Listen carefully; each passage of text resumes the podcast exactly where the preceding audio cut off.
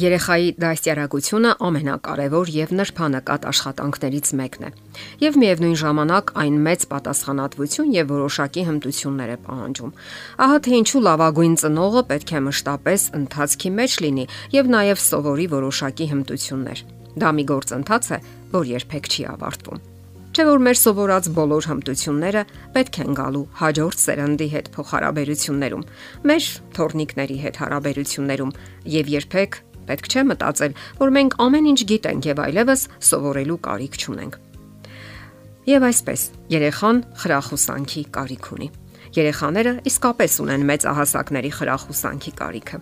Անդրաժեշտ է ողջևորել եւ ողջշնչել նրանց, պատրաստել մեծ ահասակի ապագա կյանքին, կիրառելով խրախուսման եւ սատարման քաղաքականությունը, ինչ որ ձևով քաջալերելով նրա կատարած այս կամ այն աշխատանքի համար, իհարկե խլամտության սահմաններում։ Կարևոր է երեխային ապարգևատրելու որոշումը։ Սա եւս կարելի է խրախուսման քաղաքականություն համարել։ Դուք պետք է մտածեք, թե ինչով կարելի է ապարգևատրել երեխային։ Դա կարող է լինել որևէ ժամանակակից իր, որը ընդունված է նրա շրջապատում եւ որը նրանք շատ են գնահատում։ Մեր ժամանակներում դա կարող է լինել, ասենք, գիրքը, եթե ձեր երեխան ընթերցասեր է, կամ որևէ տեխնիկական սարք։ Հնարավոր է նաեւ հագուստ գնել, որը կլինի եւ տեղին, եւ ժամանակին։ Իսկ եթե երեխան բավականաչափ մեծ է եւ հասուն, ապա հեռախոսը եւս հիանալի նվեր կլինի նրա համար Պարզապես կարող եք ասել, որ նա կարող է վաստակել այդ առարկան դրա դիմաց կատարելով որոշակի աշխատանք։ Նաև պայմանավորվեք, որ չլինեն բողոքներ, կամակորություններ եւ այլն։ Շատ ծնողներ խորհուրդ են տալիս կիրառել պայմանագրի մեթոդը։ Դրա մեջ իհարկե հումորի տար կա, սակայն կարելի է լրջություն հաղորդել երևույթին։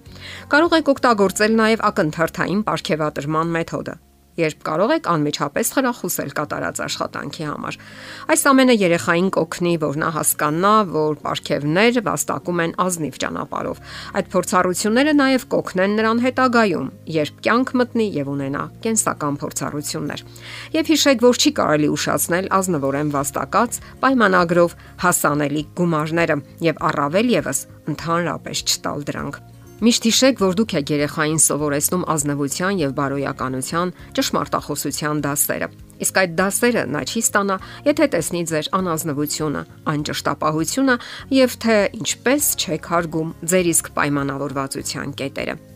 Գոյություն ունեն այլ հնարավորություններ եւս, որոնց միջոցով կարելի է խթանել երեխայի մտավոր ու ֆիզիկական ներուժը եւ կենսական ճիշտ ընթացք տալ։ Դրա համար հարկավոր է առողջ մոտեցում նրա անձնական կյանքի հանդեպ։ Որքան մեծանում է երեխան, այնքան մեծանում են նրա իրավունքները եւ անձնական կյանքի սահմանները։ Իսկ ծնողից պահանջվում է ժամանակին անցալել նրա կյանքի նորությունները եւ հոգեբանական զարգացումները։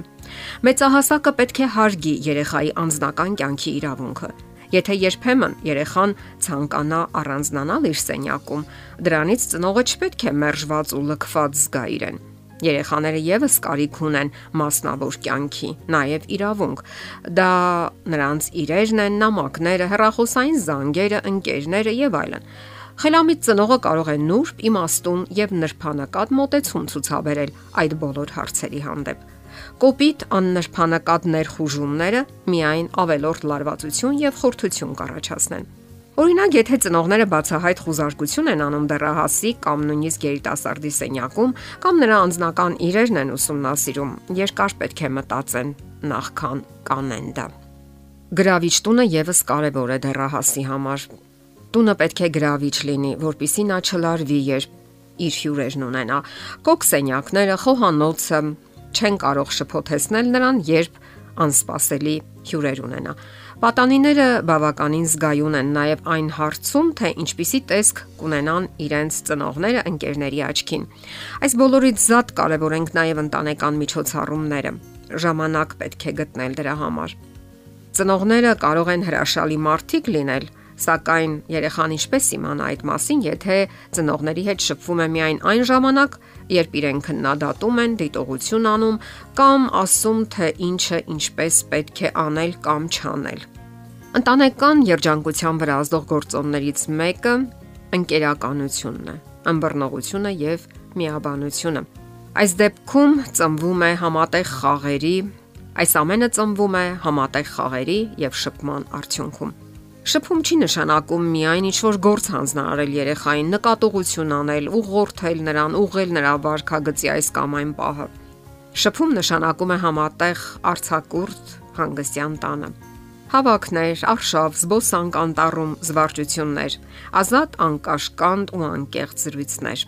Երեխաները շատ են սիրում այդպիսի մտնոլորտ։ Եվ մեծանալուն զուգընթաց նրանք արդեն պատանի եւ հետո երիտասարդ տարիներին պատրաստ կլինեն անկեղծանալ ձեզ հետ, կիսվել իրենց այն զգացումներով, որ կուտակվել են իրենց մեջ։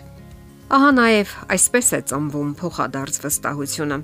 Դե ի՞նչ, աշխատեք խրախուսել ձեր երեխաներին։ Դա լավագույններից մեկն է, որ նրանք այնքան գնահատում եւ ընդունում են։ Եթերում է ընտանիք հաղորդաշարը։ Ձեզ հետ է Գեղեցիկ Մարտիրոսյանը։